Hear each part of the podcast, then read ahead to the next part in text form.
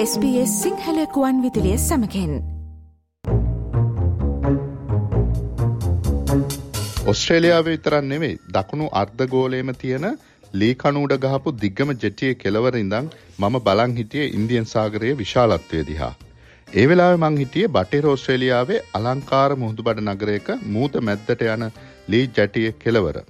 ඉතින් අද ඔබට පුළුවන් ඒ අපූරු මුහුදු බඩ නගරයට යන ඔස්ට්‍රේලියන් රූරල් බියටි චාරිකාවට මාත් එක්ක එක්වෙන්න.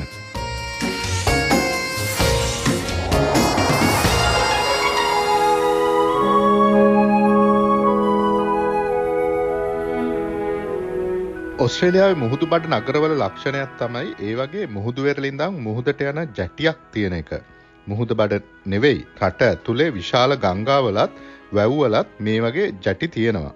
මේ වගේ බහුතරයක් එච්චර දිගනැති කෙටි පාලං වගේ ජෙටි.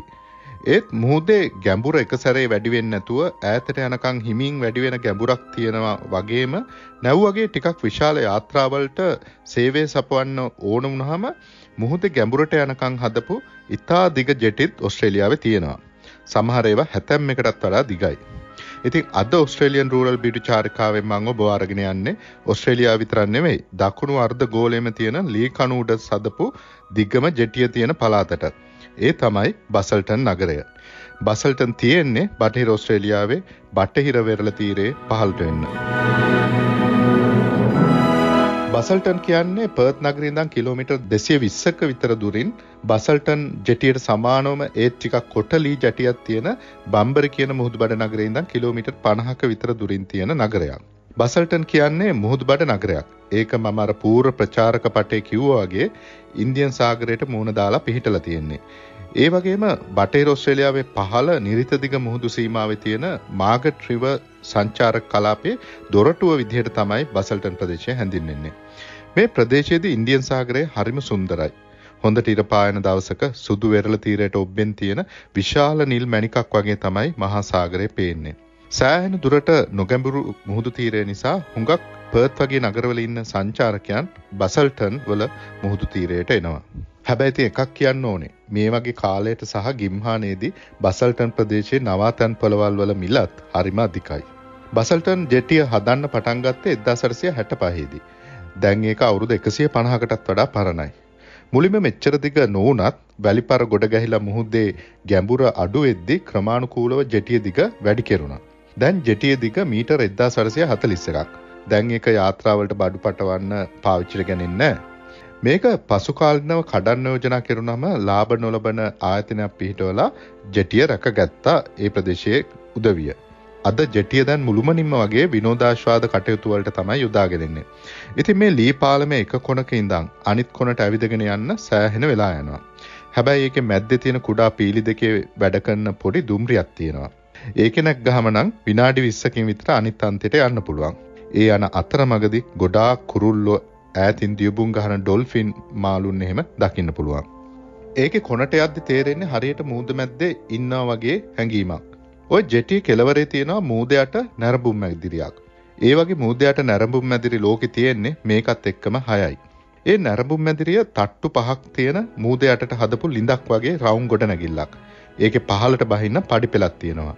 මේ මැදිරියෙන් එළිය හිටවල තියෙන කණුවලයි ජෙටියේ කණුවලයි කෘතිම කොරල් පරයක් ඇති වෙලා තියෙනවා. සාමාන්‍ය මුහුදු පතුලට ඒ කියන්නේ ගොඩක් ගැඹුරු නැති මුහුදු පතුලට මොකක් හරි විශාල දෙයක් දැම්මහම ඒක වටේ කොරල් පරයක් හැදෙනවා.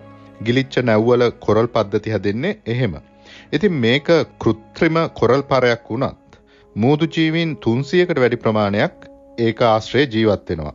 ඒ අතර අලංකාර මාළු රංචු පිටින් මේ කණු අතර සැරිසරනවා.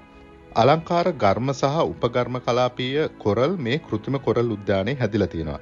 ඉතින් නැරඹුම් මැදිරියේ තියෙන වීදුරු කවුළු 11ක් තුලින් මේ කොරල් අතර සැරිසරන අලංකාර මූදු ජීවීන් දිහා බලා ඉන්න පුළුවන්. කෙමිදීම කරන්න බැරි කෙනෙකුට මුහුද මැද්දේ මේ වගේ කුටියක ඉඳන් හාත්පස මුහුදු පතුල දිහා බලන් ඉන්න එක අමතක කරන්න බැරි අත්දැකීමක්.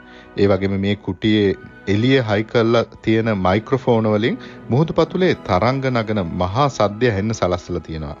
ඇත්තටම මුහුදු පතුලට ගියා නම් මෙහෙම නේද දැනෙන්නේ කියලා දැනුනහම ඇති වෙන්නේ අපූර්ව හැඟීමක්. මම රාජකාරී අවශ්‍යතාවලට නිතර මාගට් රිවර් ප්‍රදේශයට යන්න වෙන නිසා නිතර බසල්ටන් හරහත් යන්න වෙනවා.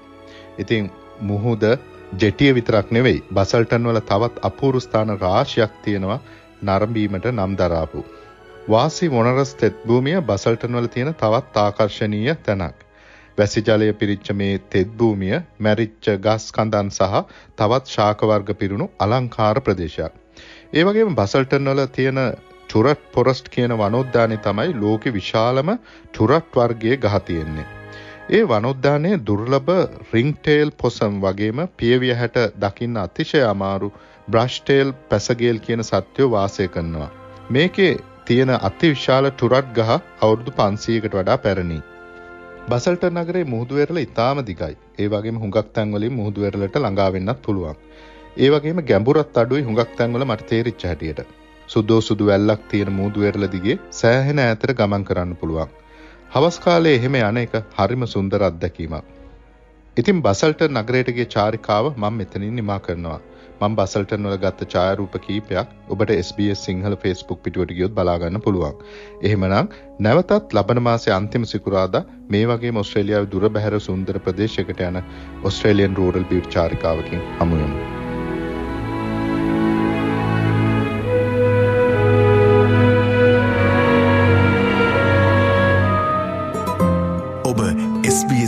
ගුවන්විතලය සමගින්.